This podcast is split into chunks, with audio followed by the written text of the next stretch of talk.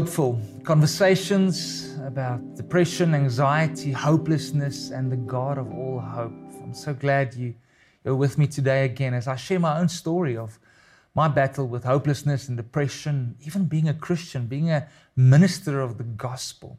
I want to break down some stigmas. And today, I want to, I want to jump into how do you identify depression in yourself or, or some other people? Um, and friends or family that might be struggling with this. Now, firstly, I want to say you can only identify it. Please do not self diagnose. Uh, please go to a doctor, a psychiatrist, get professional help, a good counselor that can help identify this in your life if you feel like you are maybe struggling with this.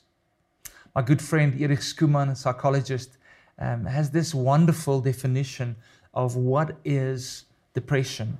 And he says the following He says it's a physiological, cognitive, emotional, spiritual, and relational reaction to something that's gone wrong in your world. I want to jump into these five areas where we can identify where, where we can see the signs and the symptoms that an individual might have depression. Now, the first one is, is on the physical side.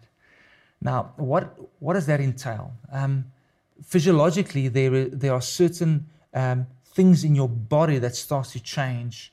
Um, and you can see when somebody is really getting depressed now and might need some good help.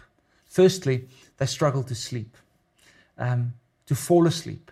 And if they, for some reason, wake up in the middle of the night, they struggle to fall back into sleep because the mind is just racing. I remember staying in Potchefstroom, there was a Piet my bird, uh, and one of my depression um, um, occasions that I struggled with it, I was really in a deep space. That bird would wake me up at two o'clock in the morning, and I was so angry because I couldn't fall asleep again. Um, people with depression don't have a lot of energy. They, they, they might be, become numb in their emotions. They don't want to uh, care for themselves or look after their body. Some of them start to overeat, and some don't have any appetite whatsoever. Uh, the things that they loved doing previously, like maybe exercise, they have no energy to actually do that. On an emotional level, um, they struggle with massive feelings of guilt. And it's ungrounded. It's, it's, it's just feelings of guilt about anything and everything. Um, for me, there were moments where I felt worthless, where you feel so disappointed in yourself and you feel like a failure. You see, it's one thing to fail, but it's totally different when you feel like a failure. And many people struggling with depression feel like a failure. Now, as a Christian, that cannot be true because in God we are not failures. We are made in His image, but this is where the lies of the enemy start to, to mess with your head um, people with depression have a, a general feel feeling of just sadness. Just I don't know why they're sad, but they are just sad. Um, they might be be very irritated, and and constantly fidgeting, um, frustrated, and then of course there can be um, anxiety attacks coming out of nowhere. It's it's as if you are constantly worrying about something for no reason at all. Um, physically also these anxiety attacks can literally come and come and um, sit on you almost and you, and, and you feel anxiousness coming to you. On a cognitive level your mind level there's a, there's a negative outlook on life. It's as if everything comes through this this filter of, of negativity. Struggle to concentrate. Um, i remember that I, I, I, I struggle to make decisions. I'm, I'm fairly a strong individual, always been in leadership positions, and and in these times, I, I, I don't know even what to what to eat for breakfast or what clothes to put on. I, I just couldn't make decisions. There might be um, thoughts of death, of suicide, um, constantly in these people's um, minds.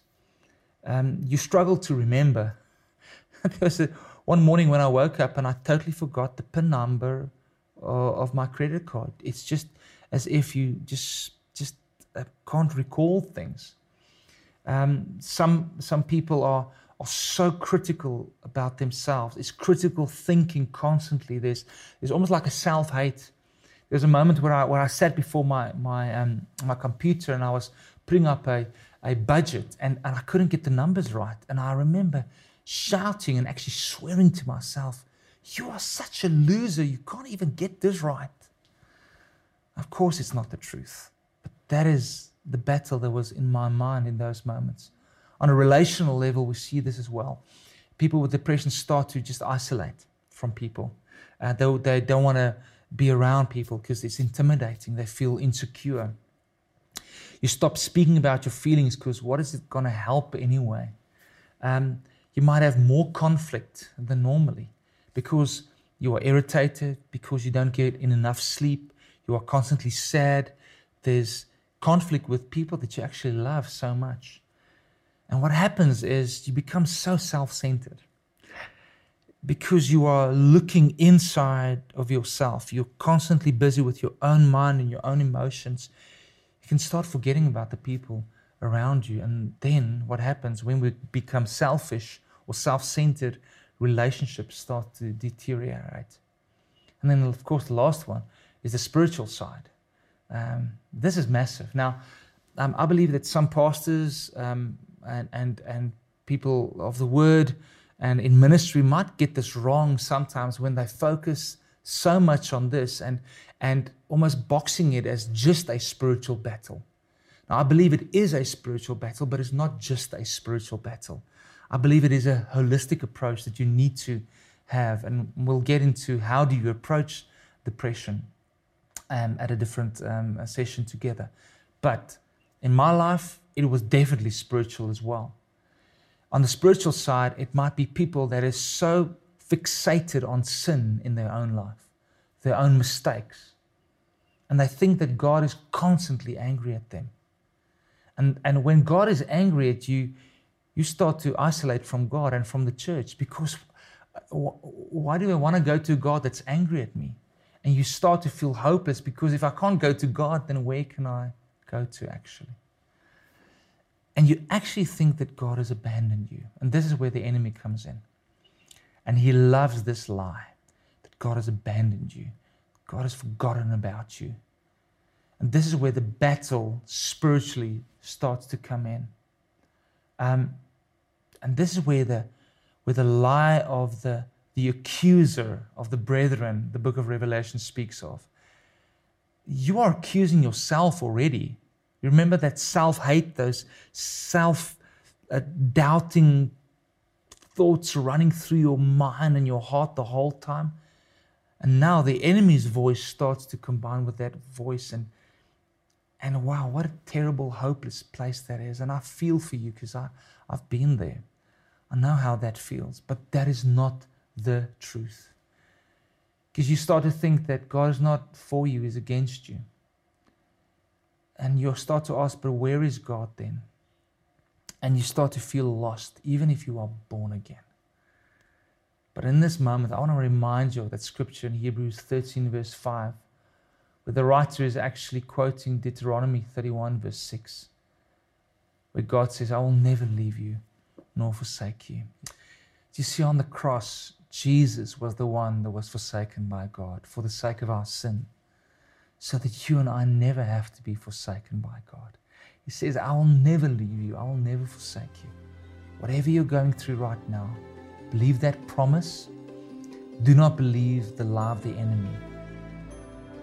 God is with you, and God is for you.